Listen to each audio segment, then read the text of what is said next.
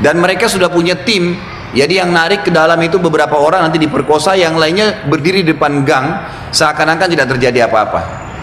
Nanti mereka gantian memerkosa orang, hampir tiap hari pekerjaan begitu. Maka muslimah ini mengatakan, saya lihat depan mata saya tuh, tapi saya nggak bisa berhenti. Saya mau ke mana? Mau ke kampus sudah tutup, mau ke tempat teman-temannya jauh, rumahnya tinggal beberapa langkah, harus dilewatin. Dia bilang lalu saya berdoa kepada Allah. Bismillahirrahmanirrahim. Ingat, ketergantungan dan keyakinan kepada Allah akan mendatangkan pertolongan dari Allah yang kita pun kadang-kadang tidak bisa tahu.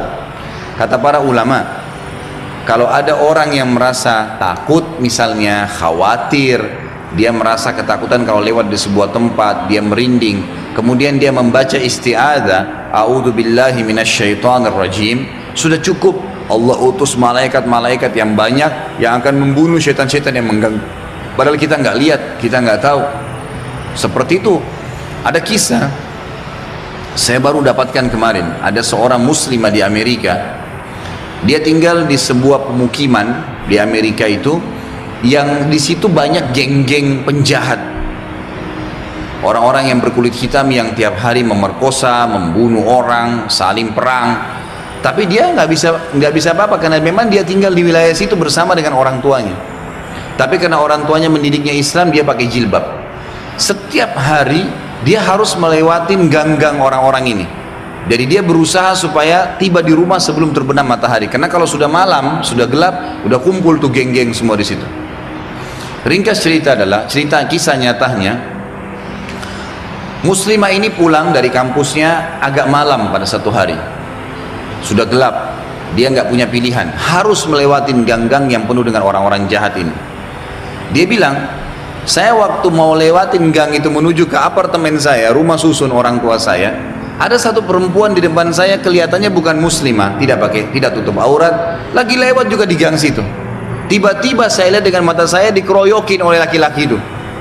Dipegangin, ditarik dengan paksa, dimasukkan ke dalam sebuah tempat dan terdengar suara teriak-teriak kemungkinan diperkosa. Ya. Dan mereka sudah punya tim, jadi yang narik ke dalam itu beberapa orang nanti diperkosa, yang lainnya berdiri di depan gang, seakan-akan tidak terjadi apa-apa. Nanti mereka gantian memerkosa orang, hampir tiap hari pekerjaan begitu. Maka muslimah ini mengatakan, saya lihat depan mata saya tuh, tapi saya nggak bisa berhenti. Saya mau ke mana? Mau ke kampus sudah tutup, mau ke tempat teman-temannya jauh, rumahnya tinggal beberapa langkah, harus dilewatin. Dia bilang lalu saya berdoa kepada Allah, Ya Allah, sebagaimana aku meyakini kamu ada, kamulah yang telah memerintahkan aku untuk menjaga kehormatanku, jagalah kehormatan ini. Dia bilang lalu saya bertawakal, jalan aja sudah. Apa yang terjadi terjadi, karena nggak ada opsi. Dia bilang sementara saya lewat di depan mereka, geng-geng ini banyak orangnya, bukan satu dua orang, banyak orang di situ. Mungkin lebih daripada 10 orang. Tidak satu pun yang mengganggu saya. Dia bilang, Nggak satu pun mengganggu saya. Dan waktu saya lewat, mereka pada buang muka. Orang-orang ini pada buang muka. Saya jalan sampai melewatin gang itu. Kebetulan rumah saya, rumah orang tua saya berhadapan dengan kantor polisi. Lalu saya datang kantor polisi itu lalu saya berkata, Tadi ada kejadian begini, ada perempuan diperkosa di sebelah sana. Polisi pun akhirnya menerima laporan tersebut lalu memeriksa. Kena dekat, betul terbukti ditangkap masih ada perempuan tadi dan memang diperkosa. Akhirnya ditangkap semua di penjahat-penjahat nih. Sementara ditangkap dia bilang, waktu masuk di kantor polisi, mereka tahu saya yang lapor, saya pakai jilbab ada di situ. Tapi mereka setiap lihat saya pasti buang muka. Kayak orang bukan bukan buang muka karena marah ya, kayak orang yang ketakutan melihat saya dia bilang. Sampai masuk di penjara semua.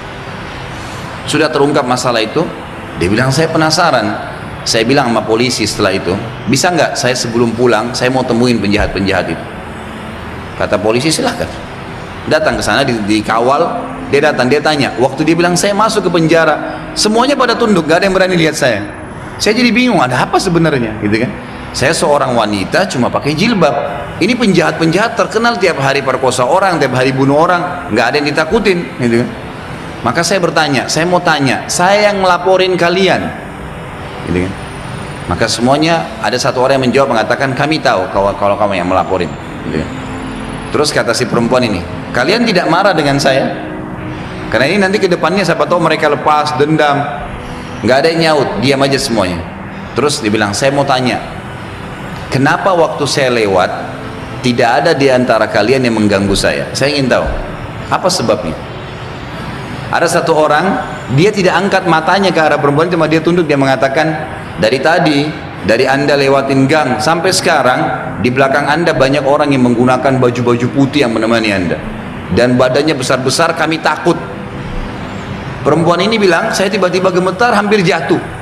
Kaget dengan informasi itu. Tapi itu kisah nyata, gitu kan? Kisah nyata. Dia bilang pun, kalau begitu baiklah, dia keluar lalu dia ceritakan kepada keluarganya. Tapi apa yang kita ambil pelajaran dari kisah ini? Keyakinan kepada Allah Subhanahu wa taala mendatangkan pertolongan yang memang tidak masuk di akal manusia. Tidak masuk di akal manusia. Nggak bisa susah untuk dihubungkan itu. Berapa banyak orang yang sakit? Ada seorang wanita di yang datang dari Jerman difonis oleh dokter kanker payudara. Semoga Allah selamatkan ibu-ibu dari situ itu difonis dari dokter ini sudah nggak bisa sudah sangat ganas dan ini menurut medis kalau tidak salah itu kisahnya tinggal dua minggu umurnya. Maka dia bilang sama suaminya muslimah kebetulan dan muslim suaminya tapi tinggal di Jerman. Dia bilang saya ingin menghabiskan umur saya di Mekah aja. Ini sudah jelas dokter fonis dua minggu saya mau pergi ke sana. Suaminya ikutin tiga hari urus visa, tiket segala berangkat. Ringkas cerita, dari 14 hari waktu yang difonis oleh dokter, tiga hari sudah habis pengurusan visa dan proses berangkat sama empat hari kurang lebih. Jadi sekarang tinggal 10 hari. Mulai dia masuk masjid haram setelah umrah, perempuan ini sudah nggak ada keinginan makan, dia duduk nangis saja depan haram. Dia nangisnya sebenarnya itu bukan minta disembuhin, dia percaya sama dokter. Dia cuma nangis dosanya yang pernah dia lakukan, dia menyesal kurangnya ibadahnya, setelah empat hari berjalan dari sepuluh hari sisa dan ini dia akan tinggalkan Mekah hari ke eh, eh, enam hari dari setelah jadi tinggal dua hari lagi. Dia pun didatangi oleh salah satu marbot masjid wanita muslimah pakai cadar? Di masjid haram memang ada petugas-petugas wanita. Ngatur saf pakai cadar dekatin dia. Tanya dalam bahasa Inggris kamu siapa? Cerita kenalan lah. Kemudian diceritakanlah kisah dia.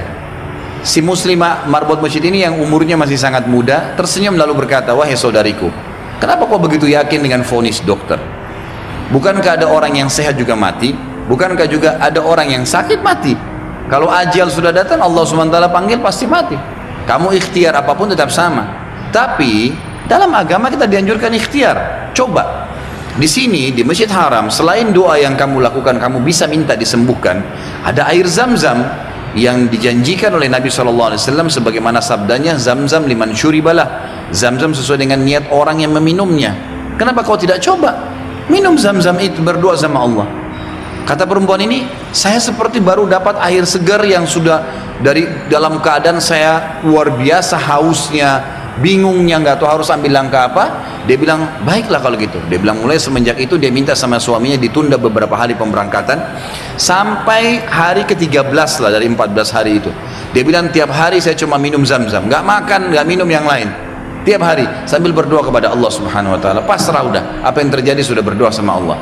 Hari ke-13 dari 14 hari itu dia pulang ke Jerman. Dari bandara langsung ke tempat dokter, telepon dokternya, dokternya sudah siapin ruangan ICU, mau dicek segala macam dan seterusnya. Begitu tiba di sana, dicek di foto dokternya kaget.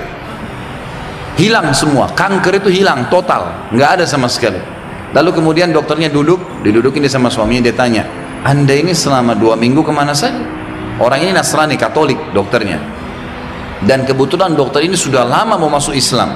Hikmah-hikmah yang luar biasa terjadi. Maka dia mengatakan, dari mana anda selama dua minggu berobat ke siapa? Dokter siapa? Obat apa yang diminum? Dia bilang tidak ada. Kami seorang Muslim dan kami berangkat ke Mekah. Saya minum air zam-zam, gitu kan. Dan saya berdoa sama Tuhan saya untuk disembuhkan. Kata dia selamat. Kanker ini belum pernah dalam sejarah dokter bisa sembuh, tapi ini hilang sama akar-akarnya, gitu kan si perempuan tersebut menangis, suaminya menangis, bersyukur sama Allah. Yang anehnya, yang luar biasa pada saat itu si dokter mengatakan, Bapak Ibu perlu tahu, dikeluarin Quran terjemahan dalam bahasa Jerman dari lacinya. Dia bilang, saya sudah pelajari Islam 10 tahun. Saya ingin mencari sesuatu yang menyentuh hati saya supaya saya mau ngandut Islam. Tapi belum ada, belum ada sesuatu yang berat. Tapi kejadian ini karena bidangnya dia, dia tahu dia spesialis kanker payudara. Dia mengatakan ini ya sudah cukup membuat saya syahadat maka dia syahadat lagi. Maka kita bisa lihat bagaimana keyakinan yang sedang kita bahas ini bukan main-main. Ini cuma contoh sebagian kecil ya. Terlalu banyak contoh yang seperti ini. Terlalu banyak keajaiban-keajaiban yang luar biasa.